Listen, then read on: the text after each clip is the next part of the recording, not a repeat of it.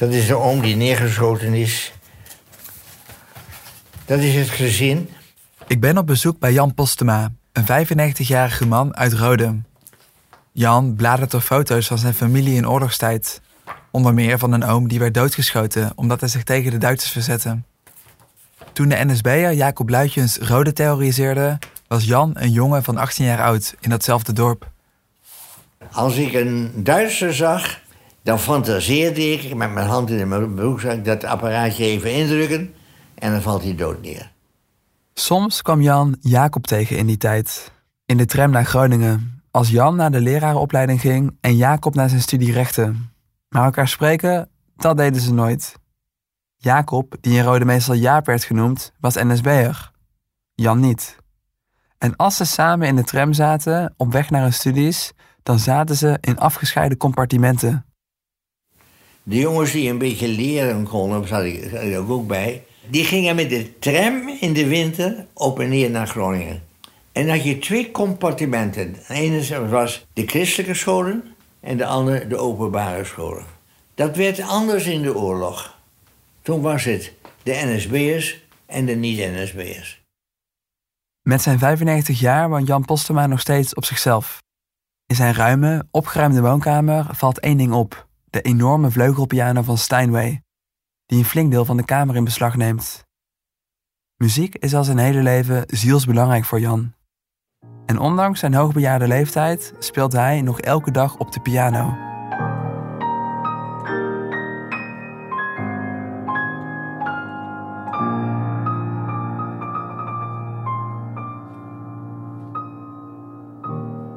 Klinkt goed? Maar zijn pianospel kostte Jan, toen hij 18 jaar oud was, bijna het leven. En daar heeft Jacob, of ook wel Jaap, alles mee te maken. Zoals alle jongens van zijn leeftijd wordt Jan tijdens de oorlog opgeroepen om te gaan werken in Duitsland. Jan vertikt dat en duikt onder. Eerst bij een oom en tante in Friesland. Maar na een half jaar mist hij zijn piano zo erg dat hij terugkeert naar Rode en thuis op zolder onderduikt. Soms komt hij dan s'avonds naar beneden om piano te spelen. Terugkijkend denkt Jan dat dit is hoe de buren wisten dat hij thuis verscholen zat en dat hij hierdoor is verraden. Jan vertelt me over de avond waarop alles misging. Op 20 februari 1945 werd mijn jongste broer 9 jaar. En tante G had nog wat gespaard en die had arretjescake gebakken. En het is half negen, negen uur. Dan zitten we in het donker met het hele gezin. We hoorden gerinkel aan de deuren. Ineens vliegen we op, mijn pa als eerste. Jan, weg! Ik ren naar de achterdeur, gooi ik mijn persoonsbewijs in de wasmachine. En ik loop er in de handen van een landwachter. Want achteraf bleek dat ze met zes mensen bij elke deur twee man hadden gezet... die deze dorpsjongen moest arresteren. Ze hebben toen tegen mij gezegd, pak je overjas, meekomen. Ik ben toen gebracht naar Kanaalstraat nummer 6... en daar was het commandobureau van de landwacht Noord-Drenthe. Chef Jaap Luitjes. Ik kom die kamer binnen. Hij zegt, uh, je papieren. Ook niks voorstellen, ook niks verhalen of wat dan ook. Het eerste en enige wat hij zei is je persoonsbewijs. Ik zeg, die ben ik kwijt. Hij zei, zo, die ben je kwijt. Dan weten wij genoeg. Een onderduiker die zijn persoonsbewijs kwijt is. Ja, ja. Ga maar. Als 18-jarige onderduiker wordt Jan door Jacob Luitjens naar een villa gestuurd. Jan heeft niet alleen zijn werkplicht ontlopen, maar ook weten ze dat zijn oom het verzet helpt. In de villa zit een groep vrede NSB'ers die mensen aan het praten moet krijgen. De kern was dat ze gingen verdrinken, voeten vastbinden, helemaal uitkleden, aanhitsen met honden. En waar zijn je ooms? Want ze wisten van mijn oom die mij had bijgestaan. En als je het nou niet zegt, pistool op me richten, meenemen naar de tuin. Je bent de eerste die je hier neerknal. En in de badkuip onderdompelen tot stickers toe. Krijgen we nou eindelijk eens te horen waar allemaal op zit? Jan Postema, die nu tegenover me zit, is misschien wel het laatst levende slachtoffer van Jacob Luitjens. Ik zie bij Jan nog steeds de emoties als hij vertelt over de martelingen die hij als 18-jarige moest ondergaan. Ook al is dat bijna 80 jaar geleden. Van een oude natiejager heb ik de opdracht gekregen om op zoek te gaan naar Jacob Luitjens. Misschien wel de laatste echte oud-NSB'er die nu, als 102-jarige man, nog op een geheime locatie in Nederland zou wonen. Mijn vraag is of de oude Jacob, 80 jaar na de oorlog, eindelijk afstand heeft genomen van het nazisme. Maar in deze aflevering duiken we eerst in het oorlogsverleden van Jacob. Want wat heeft hij precies uitgespookt in het rode van de jaren 40? Waarom trokken de denkbeelden van de nazi's en de NSB hem zo aan als student? En wat heeft hij aangericht bij mensen zoals Jan? Mijn naam is Maarten van Gestel, journalist voor Trouw. Je luistert naar de tweede aflevering van De Schrik van Rode, de Martelvilla.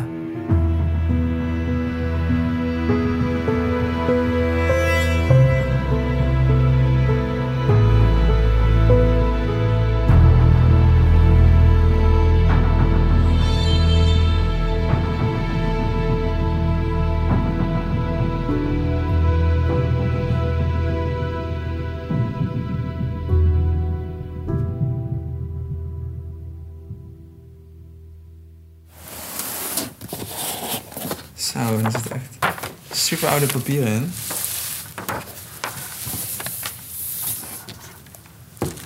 Wauw. Ja, Dat sowieso, voor jou is het waarschijnlijk heel normaal om te zien. Ja. Er ligt dus een stapel met een beetje ja, licht vergeelde vellen uit 1947. ja, het is behoorlijk vergeeld wat je al zei. Er zitten ook kleine stipjes op. Dit is niet heel goed papier geweest. Echt oorlogspapier na de oorlog. Ik ben in het Nationaal Archief in Den Haag. Op zoek naar meer informatie over het verleden van Jacob Luitjens. Hier liggen de duizenden strafdossiers die na de oorlog over NSB'ers zijn aangelegd. Hier liggen de vonnissen van toen ze berecht werden. Door corona is het leeg in de studiezaal. Maar normaal zit het hier vol met mensen die eindelijk in het NSB-verleden van hun ouders of grootouders durven te graven.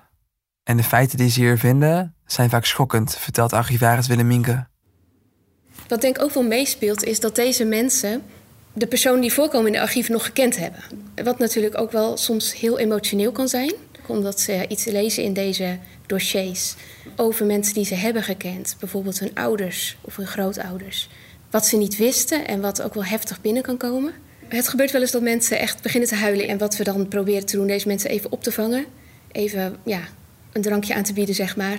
Deze mensen even het gevoel te geven dat ze, dat ze een plek hebben om eventjes erover te praten. Dankzij Willemienke heb ik hier ook het strafdossier van Jacob Luitjens gevonden. Een pak papier zo dik als een encyclopedie. We bladeren door oude, vergeelde vellen met nota's en briefjes uit oorlogstijd. Sommige gaan over Jacob, andere heeft hij zelf geschreven met een typemachine op vellen met daarop het logo van de NSB. Het lijkt wel een beetje het, ehm, het dossier van Luitjes te zijn bij de NSB. Dat daarbij Ja. gehouden werd van eh, wat er allemaal gebeurd is in Ja. zijn eh, vorderingen. In dit pak papier kunnen we hopelijk Jacobs ontwikkeling terugvinden. Van zero naar hero in de NSB-wereld. Een van de eerste dingen waar we op stuiten is een vrijwillige aanmelding uit 1941. En dat is niet zomaar een aanmelding. Jacob schrijft zich in voor de SS, het Nazi-elitekorps. Hij is dan 21 jaar oud en studeert rechten in Groningen. Maar liever wil hij gaan vechten voor Hitler aan het oostfront in Rusland. Maar het interessantst is de reactie die Jacob krijgt op zijn aanmelding. Aan kameraad Luitjens. In verband met uw verzoek voor frontdienst deel ik u ten spijt mede dat het Vrijwilligerslegioen Nederland u niet op een of andere manier kan gebruiken. U zult uw inzet voor een nieuw Europa dus geheel hier, in Nederland, moeten zoeken. Dat moet een klap zijn geweest. Jacob wordt afgewezen voor frontdienst. Het is opvallend dat de jongen zoals Jacob werd geweigerd, zegt Willemienke. Dit is waarom. We herkenden hem onmiddellijk omdat hij heeft een kortere arm en hij heeft maar een paar vingers mist hem. Zo was hij hier bekend. Amateurhistoricus Jan Aukema vertelt dat Jacob een geboorteafwijking had. In Rode stond hij bekend als Jaap met het lamme handje. En in krantenartikelen wordt gespeculeerd dat Jacob zich daardoor misschien buitengesloten voelde en zich extra wilde bewijzen. Zeker na de SS-afwijzing. Wat precies Jacobs beweegredenen waren om bij de NSB te gaan, dat lezen we hier nog niet. Wel zie ik hoe fanatiek hij zich in Rode ging inzetten voor de partij. Hij krijgt tijdens zijn studie een baantje op het lokale NSB-kantoor. En ik vind briefjes die hij daar namens zijn chef aan de landelijke NSB schrijft over zijn dorpsgenoten. Het Wilhelmus is gezongen in een café, in het bijzijn van een politieman. Dorpelingen zongen en pas toen twee NSB'ers binnenkwamen, achtte de politie het nodig om het zingen te stoppen. Jacob verklikt mensen die een anti-Duitse indruk maken. En daar houdt hij het niet bij. S'nachts gaat Jacob zijn bed uit om pro-Duitse propagandaposters te plakken. Een chef zegt over hem dat Jacob voor elk NSB-klusje als eerste in de rij staat. En die houding, die blijkt ook wel. Ik vind een briefje waarin een NSB'er klaagt dat van alle jongens die verplicht op cursus moesten, alleen Jacob was komen opdagen. Ja, het beste jongetje van de klas. Hij uh, is op cursus verschenen en de rest heeft uh, of niks van zich laten horen of afgezegd. Voorlopig als laatste in het dossier vind ik een kleine zwart-wit pasfoto van Jacob. We zien een blonde jongen met strak naar achter gekamd haar, een lichte huid en scherpe kaaklijnen. Hij draagt een zwart NSB-uniform en kijkt ernstig in de camera. Het geeft me een vreemd gevoel om naar deze foto te kijken. Enerzijds wekt Jacob de indruk van een soort nazi-posterboy. Maar tegelijkertijd ziet hij er zo jong en onzeker uit dat me het gevoel bekruipt dat ik naar een geradicaliseerd kind kijk. Naar een gebrainwashed eerstejaarsstudent. Ik krijg van Jacob het beeld van een jonge gast met extreme denkbeelden, die na zijn afwijzing bij de SS alles wil doen om zich te bewijzen in de NSB-wereld. Maar wat trok mensen zoals Jacob dan aan om bij de NSB te gaan? Om die vraag te beantwoorden ga ik langs bij historicus Edwin Klein, hij doet onderzoek naar de vraag hoe het nationaal socialisme ooit zo groot kon worden in de jaren 30 en 40.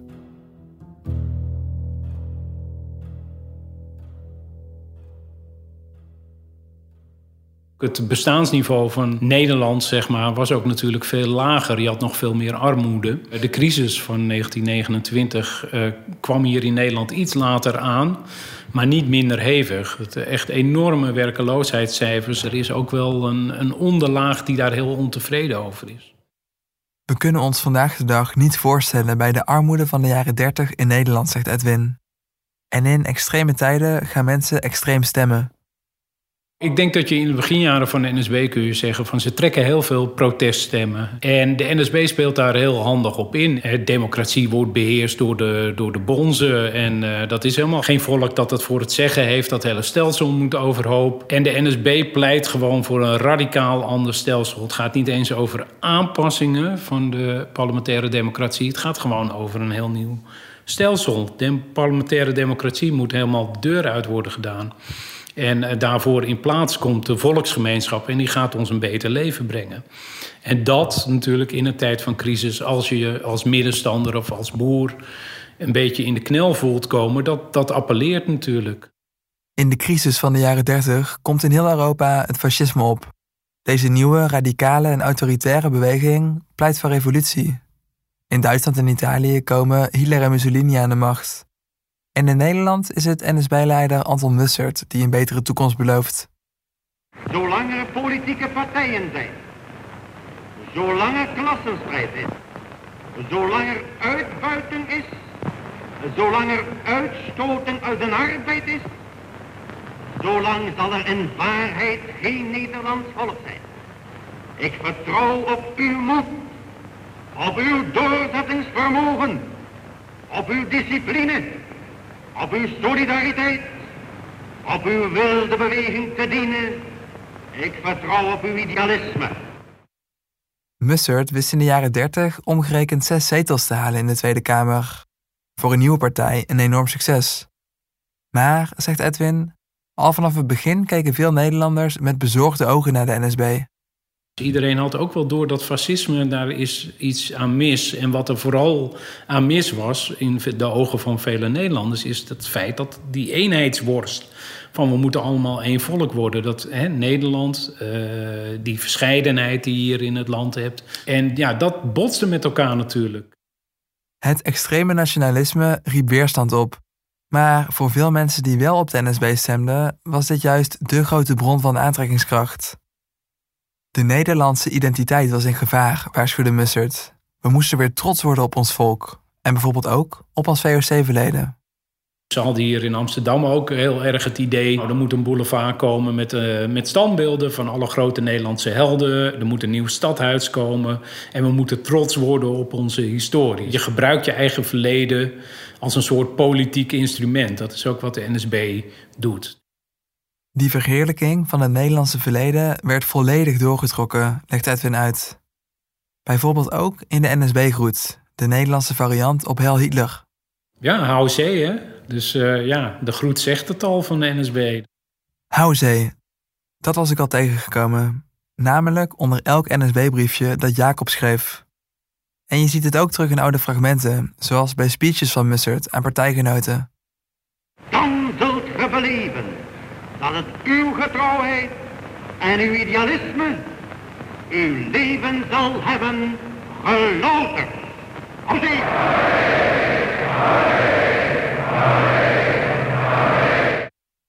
Maar waar in Nederland had de NSB dan succes en onder wie?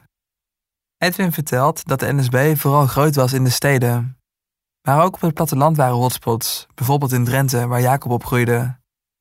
Hier had je veel arme boeren, die flink waren geraakt door de crisis. En de NSB speelde met de ideologie slim in op deze groep. De ideologie gaat heel erg uit van het eh, boerendom als een soort oordeel van de Nederlandse bevolking, waar de echte genen nog bewaard zijn. Hè? De pure genen van de Germanen, eh, die vind je nog terug bij de boerenbevolking. Wij zullen aantreden in de nieuwe Europese Germaanse volkerengemeenschap als een zelfbewust Nederlands volk van boeren en vissers. Als Mussert pleit voor het recht en de eer van ons volk, dan kan hij op de boeren rekenen. Je hoorde hier een fragment van een agrarische jongerendag in Drenthe, waar een NSB-prominent probeert om boeren tot de partij te bekeren. En dat bekeren gebeurde niet alleen op grote schaal. Ook leden van de partij kregen een opdracht mee. Want de NSB was niet zomaar een politieke partij. Je werd lid en dat betekende niet dat je dan eens per jaar het lidmaatschap moest betalen en dat was het dan. Maar je werd meteen ingeschakeld in de partij. Dus je werd echt betrokken bij alles. En het was een soort community. Sommige mensen hebben het ook een mini-zuil genoemd. En dat was het ook. Voor de kinderen had je de Nationale Jeugdstorm. Je had uh, de, de weerafdeling, wat de paramilitaire afdeling was voor de NSB. Je had je eigen bladen. Je had de kameraden in het kringhuis om de hoek. En dat was gewoon een soort afgesloten gemeenschap... waar mensen zich ook veilig voelden. Het is bijna een soort uh, politieke secte. Kenmerkend voor een politieke secte is ook dat je mensen wil bekeren. Dus dat werd de NSB'ers ook ingepeperd. Je moet mensen bekeren in je omgeving. Een politieke secte dus, waarvan de aanhangers één heldere missie kregen: het verzamelen van meer leden. Maar hoe deden ze dat? NSB'ers gaan heel vaak colporteren met de krant, staan elke zaterdag op de markt en uh, gaan dus heel erg naar buiten toe. En dat is wel typisch eigenlijk ook voor een fascistische beweging. je moet je op de straat vertonen, je moet laten zien dat je er bent. Je moet uitkomen voor het feit dat jij voor een totaal nieuw Nederland staat, voor een nieuwe volksgemeenschap.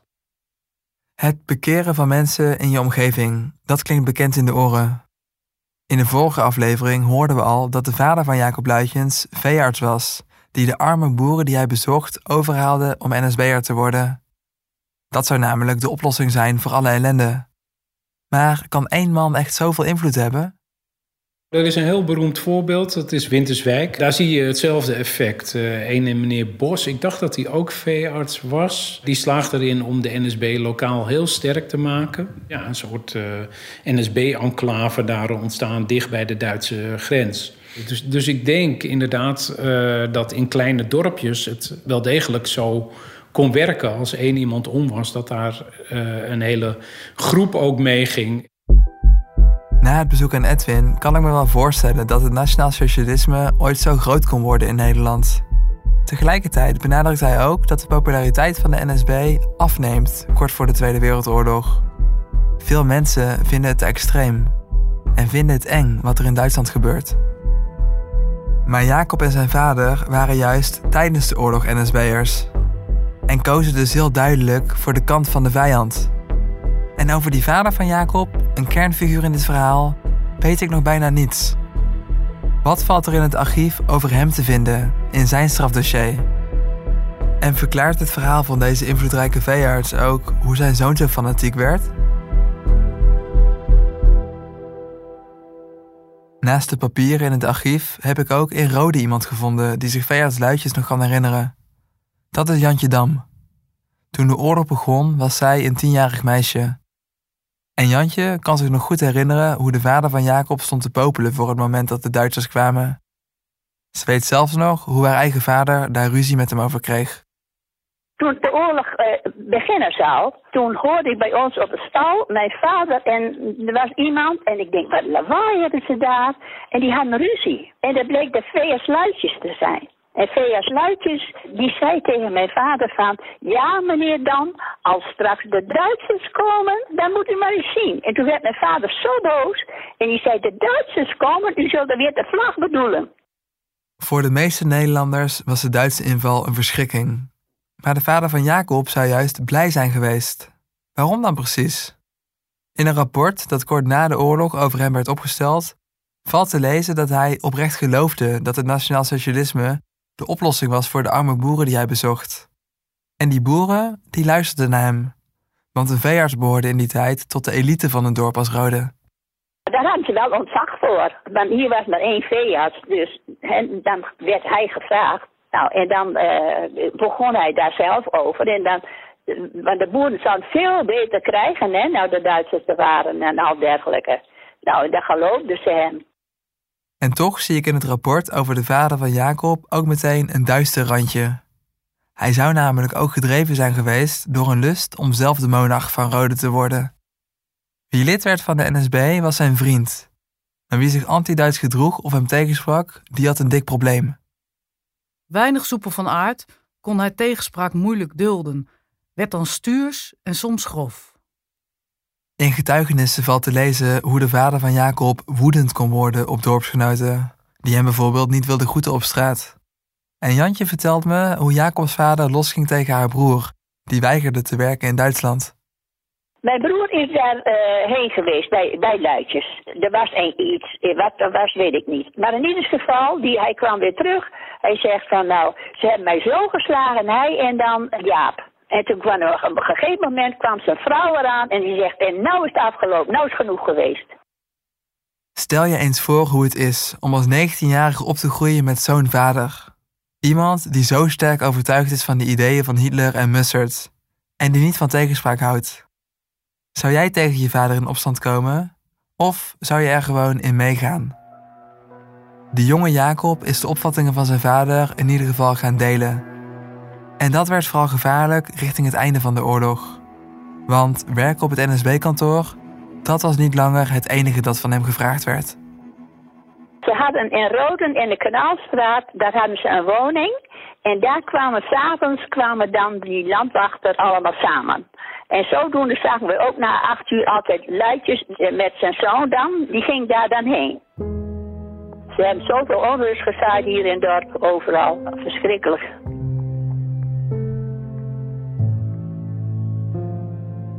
De landwacht. Waarschijnlijk heb je er nog nooit van gehoord. Dat had ik ook niet. Maar het is deze club die voor de 25-jarige Jacob alles verandert. In het laatste jaar van de oorlog wordt het steeds duidelijker dat Duitsland niet gaat winnen. Maar het land probeert kosten wat het kost om toch overeind te blijven. Eén manier is via de hulplandwacht. Een soort burgerpolitie waarbij gewone NSB'ers ineens moeten helpen bij patrouilles, razzia's en arrestaties. Jacob is jaren hiervoor afgewezen voor de SS, maar nu wordt hij ineens landwachtchef van de regio Noord-Drenthe. Ondanks de chaos van dit laatste deel van de oorlog lijkt het voor Jacob een kans om alles te geven en zich te bewijzen. En dat is precies wat hij doet. Mensen die door Jacob zijn gearresteerd in deze tijd vertellen over zijn optreden. Zoals deze man die bij een razzia in het Leegste Meer wordt opgepakt. De man die ik voor Jaap Luitjens verslijt, kan ik mij herinneren als een arrogante man. Hij had volgens mij wat te zeggen. Ik wil hierbij opmerken dat ik mij het optreden van de Jaap Luitjens herinner als het optreden van een echte Duitser. Ik bedoel hiermee zijn autoritaire optreden. Of deze dorpsgenoot van Jacob, die hem altijd zag rondlopen in rode. Als ik hem in die tijd zag, liep hij altijd in een uniform van de landwacht. Hij had wat te vertellen bij die organisatie. Ik herinner me hem als een persoon waarvoor je moest uitkijken in die tijd. Deze man vertelt hoe hij door drie verschillende landwachters wordt gearresteerd, waarvan er eentje in het bijzonder opvalt. Deze mannen onderscheiden zich van elkaar. De eerste doordat hij een SS-jasje droeg, de tweede doordat hij een grote, zware kerel was en de laatste doordat hij een gebrekkig hand had. Deze drie mannen deden erg fanatiek. Degene met het gebrekkig handje liet blijken dat hij de baas was. Hij domineerde de anderen erg. Hij was in het bezit van een revolver of pistool. Hij hield dat vuurwapen op mijn borst gericht. En deze getuige vertelt in nog meer detail hoe zo'n arrestatie van Jacob eraan toe ging. En wat er daarna met je gebeurde. Landwachter Jaap Luitjes stond aan de deur en zei tegen mij: De commandant van Norg wil je even spreken. Ik werd overgebracht naar het bureau van de beroepslandwacht te Norg. Jaap Luitjes gaf door fluiten en zingen de maat aan.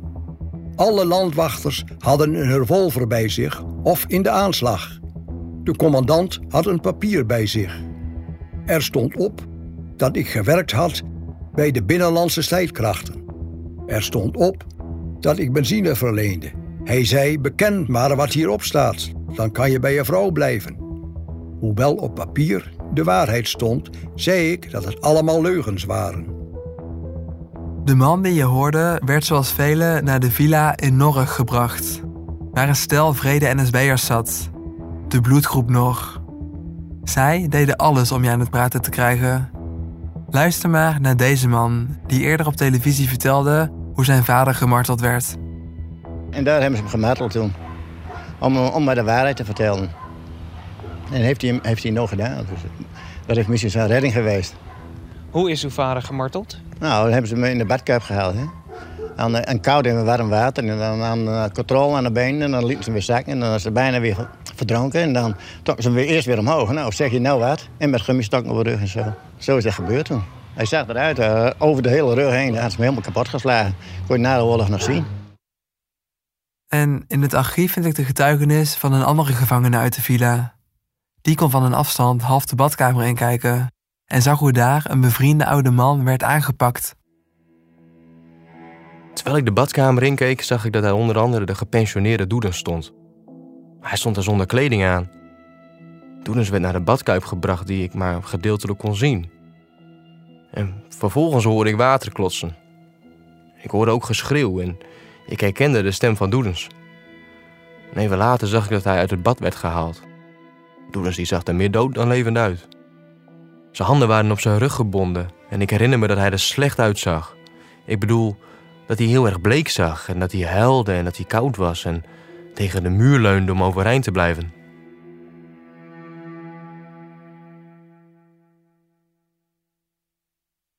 Terug naar Jan Postema, de man die je aan het begin van de aflevering hoorde. De man met de piano die als 18-jarige was gearresteerd omdat hij niet wilde werken in Duitsland. Die Jacob herkende van de momenten dat ze samen in de tram zaten, onderweg naar hun studies. Maar die nu door dezezelfde Jacob naar de Martelvilla wordt gestuurd. Ik ben toen gebracht naar Kanaalstraat nummer 6. En daar was het commandobureau van de landwacht. Chef Jaap Luitjes. Het eerste en enige wat hij zei is je persoonsbewijs. Ik zeg, die ben ik kwijt. Hij zei, zo, die ben je kwijt. Dan weten wij genoeg. Een onderduiker die zijn persoonsbewijs kwijt is. Ja, ja. Ga maar.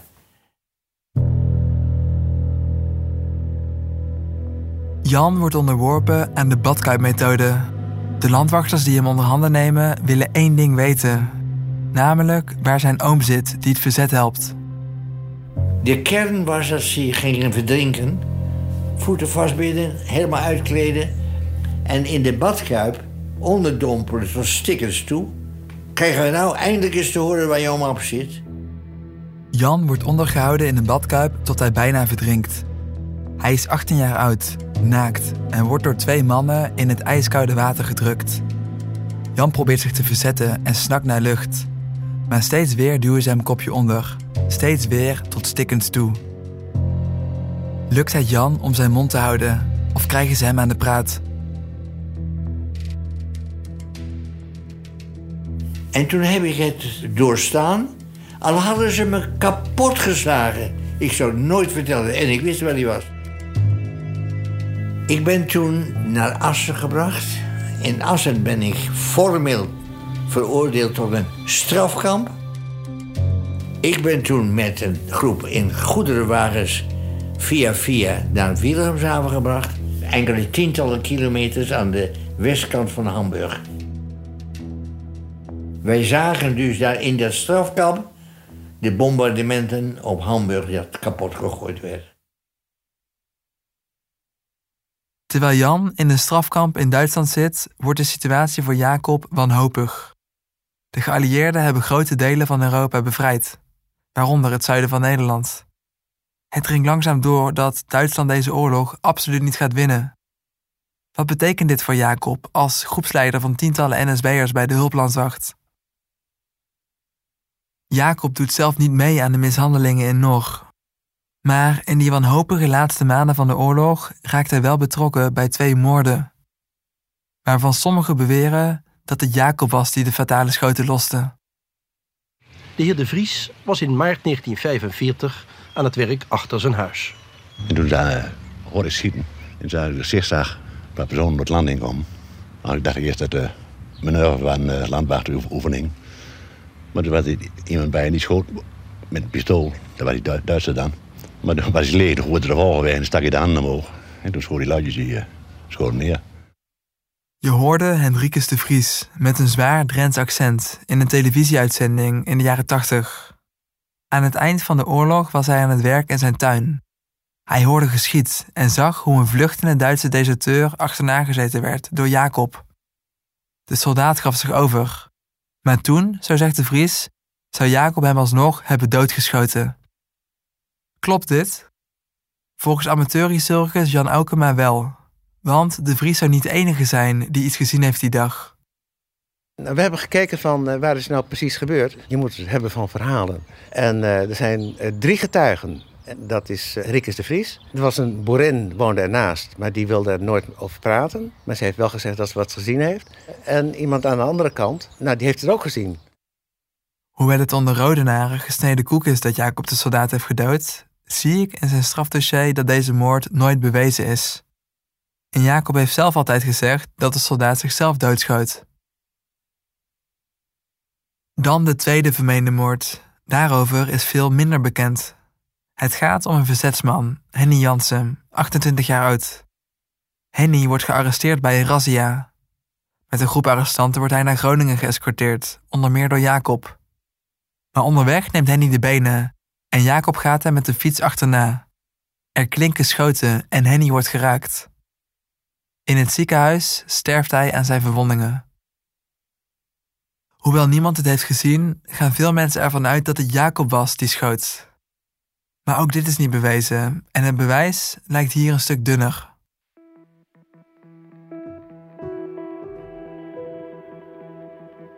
Als journalist moet ik wel zeggen dat ik in de zoektocht naar het verhaal van Jacob Luitjens behoorlijk wat tegenstrijdige informatie tegenkom. Zo vertelde nazijager Jack me met zekerheid dat Jacob twee mensen zou hebben gedood.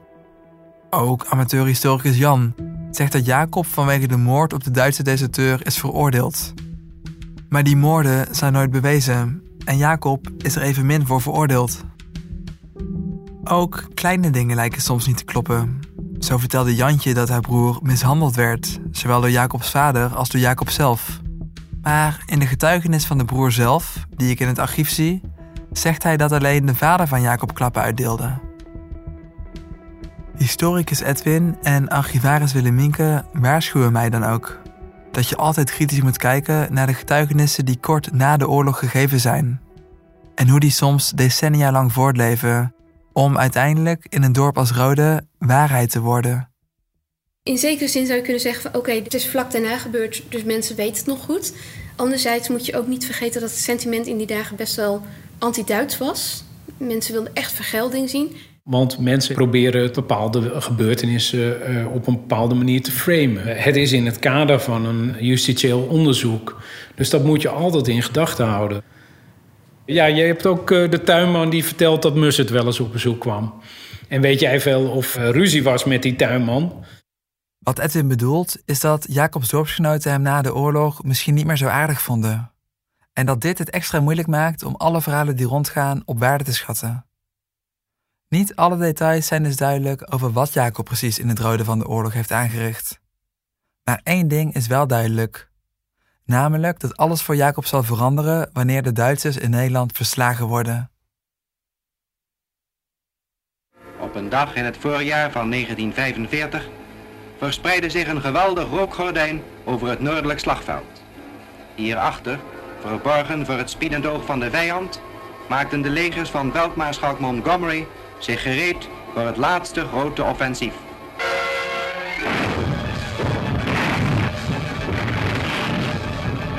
Tanks van de 4e Canadese divisie rolden Nederland binnen. De Duitsers waren op de loop. Ze vluchtten uit Leeuwarden. De gehate Ubermensch trok in sombere stilte weg om zijn wapens in te leveren. Duitsland heeft de oorlog verloren. En de 18-jarige Jan Postema wordt bevrijd uit het kamp vlakbij Hamburg. Hij is vies, maar ongedeerd en opgelucht. Een paar maanden later staat hij eindelijk weer bij zijn vader, broertjes en zusjes voor de deur. Kijk eens dat daar een schooier aankomt. Oh, het is Jan. Ja, heel emotioneel. Maar toen de eerste emoties een beetje verstomden, toen zei hij... We gaan eerst even aan eten denken. Wat wil je hebben? Ik zeg, dat weet je wat, pa, hè? Spinazie, maar gebakken aardappelen en biefstukje. Ik maak het klaar en ga jij even, zei hij tegen mijn broer... naar Kapper van de Veen, die moet even komen om Jan zijn haar te knippen. Nederland is bevrijd en de meeste Nederlanders zijn dolblij. Op straten door het hele land wordt feest gevierd. Eindelijk weer. De muziek speelt nog lustig door. En u zou werkelijk even, luisteraars, een televisieapparaat in de kamer moeten hebben om de gezichten van deze mensen te zien. De intense vreugde en de enorme ontspanning die zich op deze gezichten uitdrukt. En het is deze mensen aan te zien dat ze na al die jaren, dat zij niet hebben kunnen zeggen, nauwelijks hebben kunnen denken wat ze wilden, een enorme ontspanning ondervinden nu zij weer vrij zijn. Maar terwijl Nederland feest, breekt er voor Jacob juist een donkere tijd aan. Eerder was het Jacob die mensen liet opsluiten. Maar op de dag dat hij 26 wordt, op 18 april 1945, geeft hij zichzelf over. En op zijn verjaardag is hij het die achter slot en grendel belandt. Het is de ondergang van Jacob Luitjens. Eerst waren het de Joden die in kamp Westerbork werden opgesloten als doorvoerhaven naar concentratiekampen zoals Auschwitz. En nu zijn er mensen zoals Jacob die in ditzelfde kamp achter de tralies belanden. NSB'ers worden gezien als landverraders. Ze worden door de bewaking hard aangepakt en vaak mishandeld. Hoe zou Jacob zich voelen nu de rollen zijn omgedraaid? Boos? Bang? Zou hij spijt hebben en willen dat hij alles anders had gedaan? Terwijl Jan Postema op zijn achttiende al schoolhoofd wordt en aan de rest van zijn leven begint, is het voor Jacob wachten op zijn strafzaak. En dat wachten kan jaren duren. Veel is over zijn tijd in gevangenschap niet bekend. Als hij ondervraagd wordt, noemt hij de nood bij de arme boeren als de reden om bij de NSB te gaan. Jacob vraagt naar studieboeken, zodat hij in het kamp verder kan leren. En op een formulier geeft hij aan wat voor werk hij eventueel zou kunnen doen als hij ooit vrij zou komen kantoorbediende. Maar kantoorbediende zal Jacob nooit worden. Op een koude decemberavond in 1946, anderhalf jaar na de verjaardag waarop Jacob zichzelf aangaf, begint een nieuw deel van zijn leven. Die avond doen de bewakers van kamp een schokkende ontdekking. Zoals elke dag moeten alle gevangenen zich melden. Maar wie zich niet meldt, is Jacob Luitjens. Jacob is spoorloos verdwenen, nergens op het kampterrein te bekennen. In het prikkeldraad zit een gat. En de bewakers staan voor een raadsel. Waar is Jacob Luitjens in hemelsnaam gebleven? Dat hoor je in aflevering 3 van De Schrik van Rode. De klopjacht.